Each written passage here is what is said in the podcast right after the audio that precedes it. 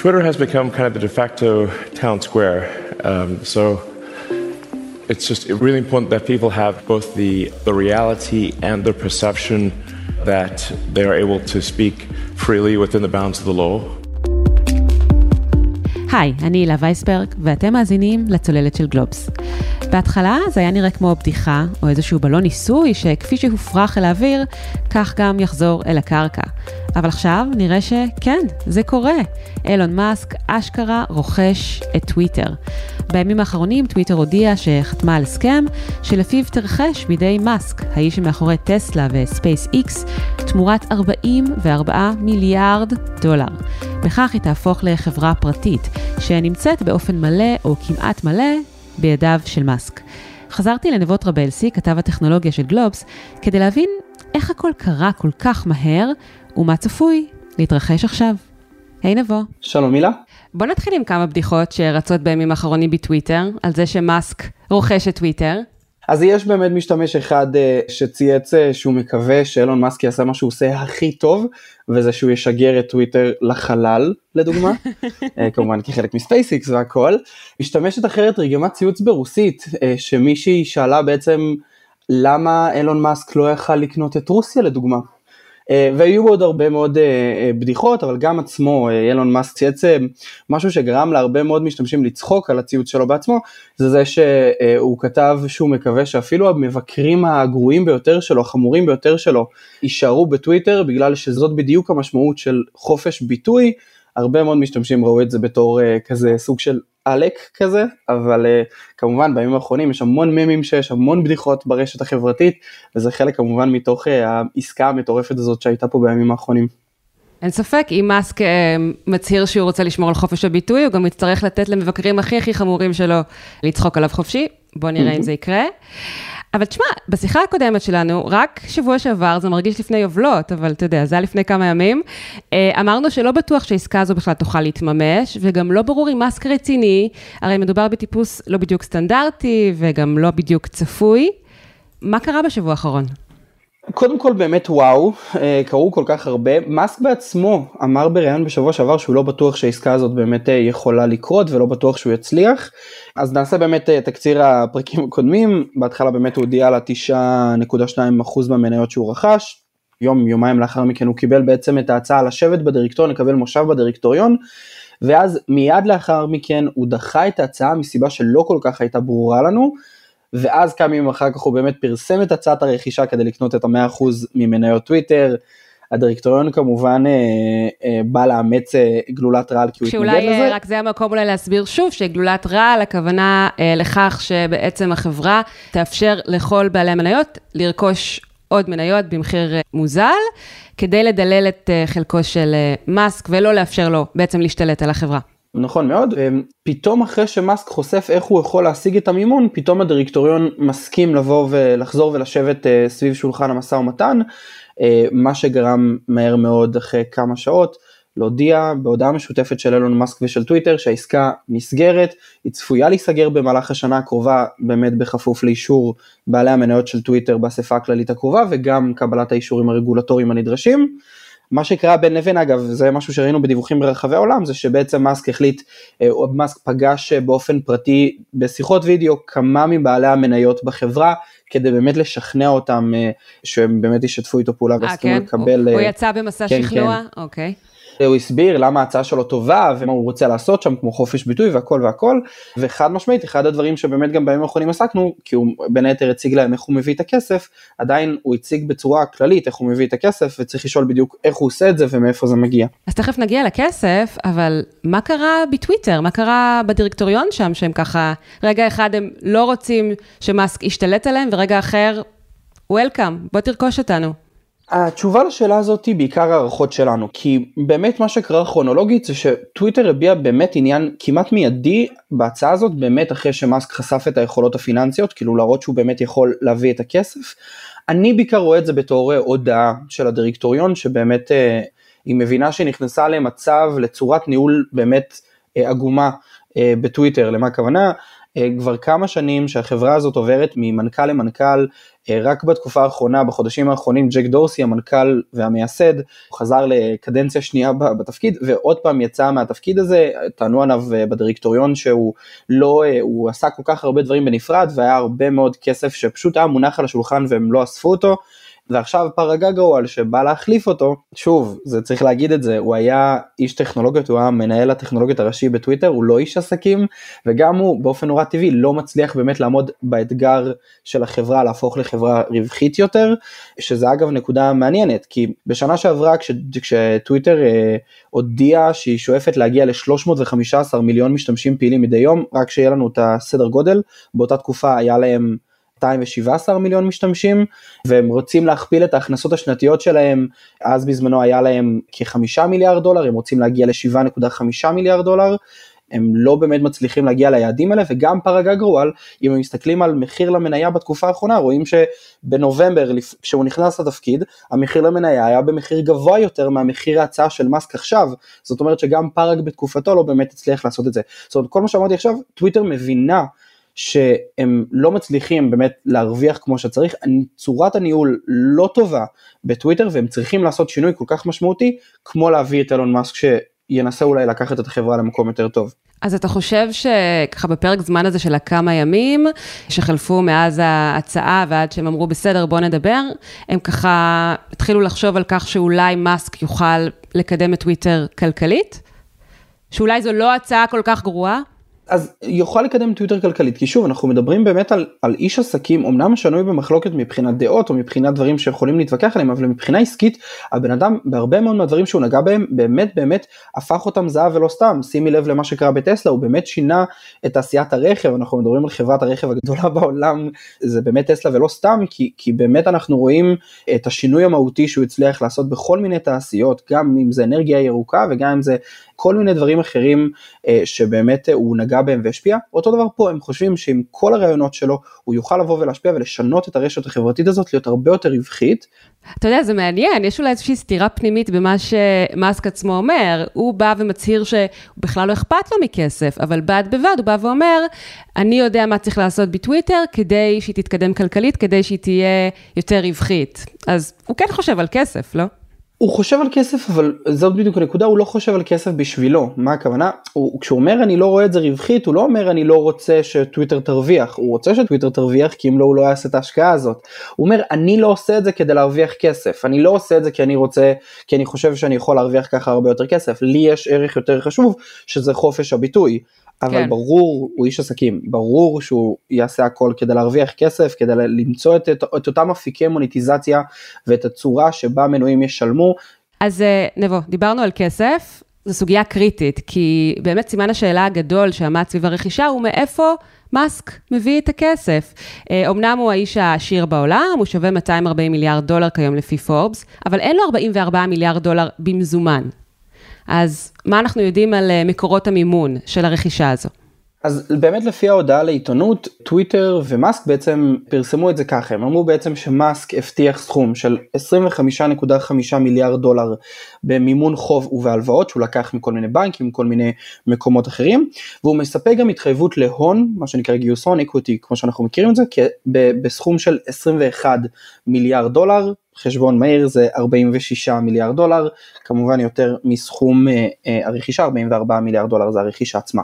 כמובן שבתוך ההודעה שלהם לעיתונות אין שום תנאי מימון להשלמת העסקה, מה שזה אומר בעצם זה ששום עניין פיננסי לא באמת יכול להפיל את העסקה בהיבט הזה, הוא לקח הלוואה בגובה של 12.5 מיליארד דולר, הוא לקח את זה כהלוואה למימון העסקה מגובה המניות אה, במניות בטסלה, ושאר ההלוואות באמת מנכסים של טוויטר ועסקאות ממונפות אחרות, ומה שבעיקר מעניין מהדבר הזה, זה זה שאם הוא באמת לקח הלוואה באמת ממניות אה, כמימון, ממניות אה, טסלה, זה בעיקר אומר שזה מערב את טסלה ממש, זאת אומרת, יש אפילו סיכוי שבין אם זה נציבות הסחר הפדרלית, ה-FTC, או כל גוף רגולטורי אחר, יכול לבוא ולדרוש לקבל אישור מבעלי המניות של טסלה לרכישה הזאת כי זה משפיע עליהם על, על המניה ולכן אי אפשר רק פשוט להשתמש במניות של חברה אחרת ולכן הם יהיו ככל הנראה צריכים לקבל אישור מבעלי המניות של טסלה אם באמת יש מעורבות כזאת אה, רחבה במניות האלו. כן אז זה דבר שאולי עלול לסכל את העסקה הזו ויכול להיות שיהיו בעלי מניות נוספים בטוויטר גם כחברה פרטית? כלומר שהוא לא יחזיק ב-100% מהמניות?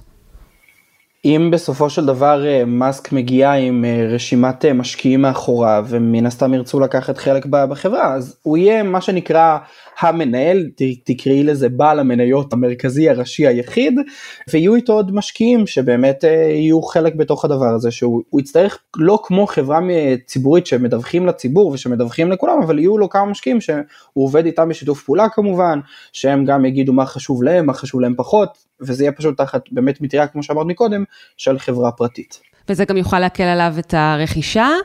אז ככה הזכרנו מכשולים, ונראה שכולם יוצאים במין הכרזות פומפוזיות כאלה של מאסק רוכש את טוויטר, וזו כבר עובדה מוגמרת, אבל זו לא עובדה מוגמרת, נכון אבו? זאת אומרת, ישנם מכשולים ולא מעטים שעומדים בפניו, אז בואו נתייחס אליהם.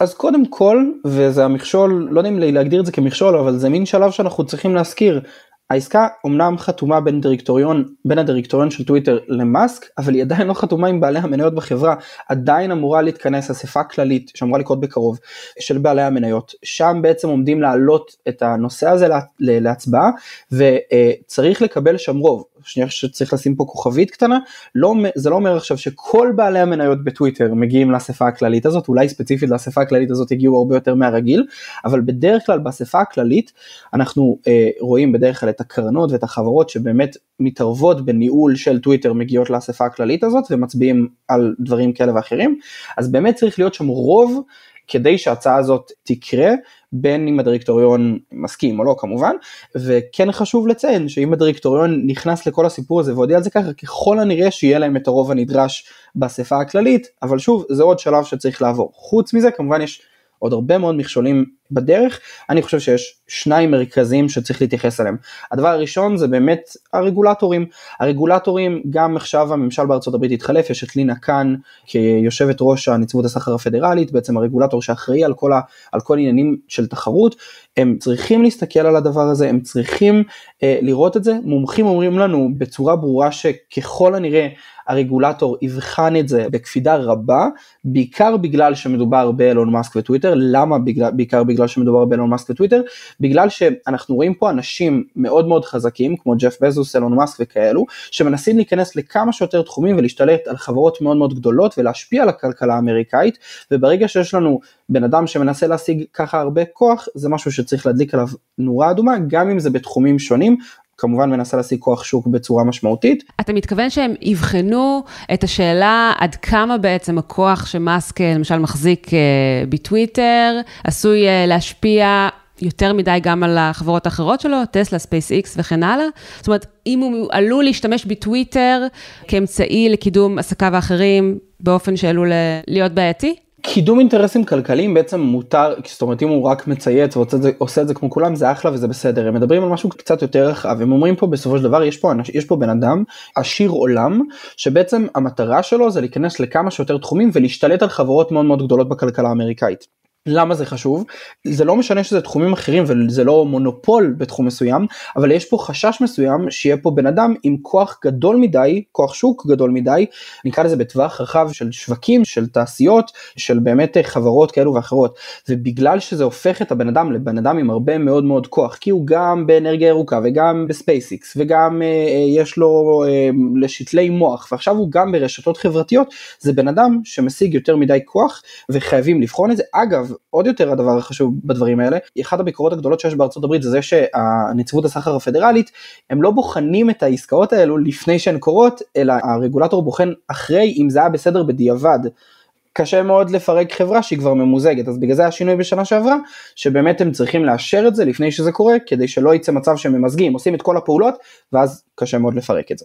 וישנן גם תביעות שעומדות על הפרק. אז באמת מכשול שני שצריך להתייחס עליו זה באמת התביעות שיכולות להגיע נגד טוויטר, אה, יש תביעות נפוצות יש פחות אבל יש בערך שלושה סוגי תביעות שיכולות באמת להגיע, בדרך כלל על שווי שוק, בדרך כלל על לחצים על הדירקטוריון אם זה לחצים פוליטיים ובאמת אם מעורבת בזה מניית טסלה אז יכולים בעלי המניות בטסלה אפילו לתבוע ולהגיד רגע קורה פה משהו בעייתי. נבוא יש לנו יותר מידע עכשיו לגבי התוכניות של מאסק לגבי טוויטר האם הוא צפוי למנות מנכ"ל חדש האם הוא צפוי לשנות את הרכב הדירקטוריון הוא פיזר איזה שהם רמזים ככה בימים האחרונים.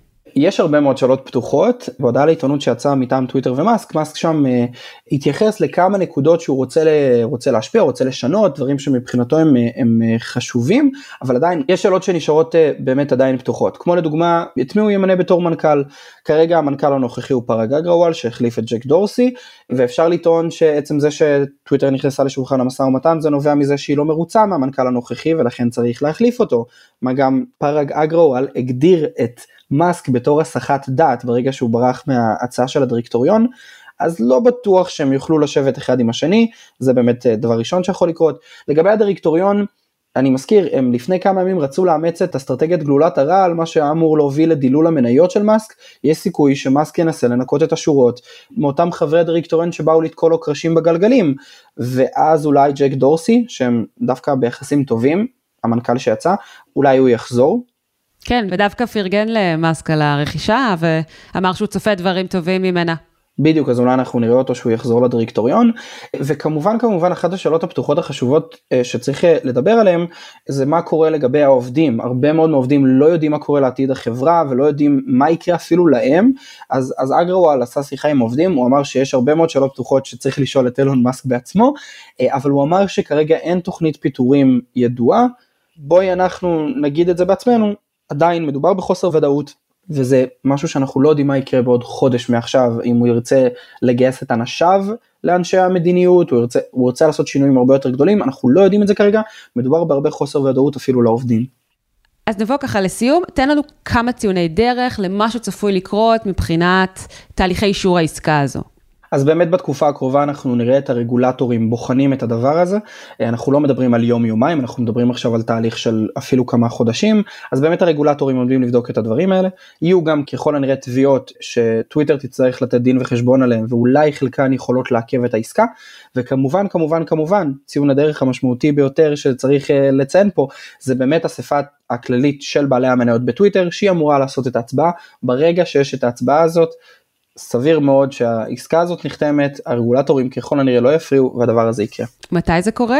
ההתאספות הזו של האספה? האספה הכללית אה, אמורה לקרות בחודש הקרוב, בחודש מאי הקרוב, ובאמת אה, כל בעלי המניות שעומדים להגיע לאספה הזאת, תהיה להם זכות הצבעה, מי שלא מגיע. אין לו זכות הצבעה, זה לא כזה מהבית אפשר להצביע דרך הזום, אמ, ובאמת אם יש שם רוב, ההצעה הזאת תיכנס לתוקף. הבנתי, משוכה ראשונה מוסרת וממשיכים אל המשוכות שאחר כך. טוב, נמשיך ונעקוב, זה ללא ספק סיפור מרתק. נבוא, תודה רבה. תודה, הילה. עד כאן עוד פרק של הצוללת. אתם יכולים למצוא אותנו באתר גלובס, בספוטיפיי או בכל אפליקציית פודקאסטים, ונשמח אם תדרגו אותנו שם גבוה. ואתם מוזמנים לשלוח את הפרק לחברה או חבר שרוצים להבין מה בדיוק עומד לקרות עכשיו בעסקת טוויטר מאסק. עורכי הסאונד הם אור שמיר וניר לייסט. בצוות הצוללת חבר גם אורי פסובסקי.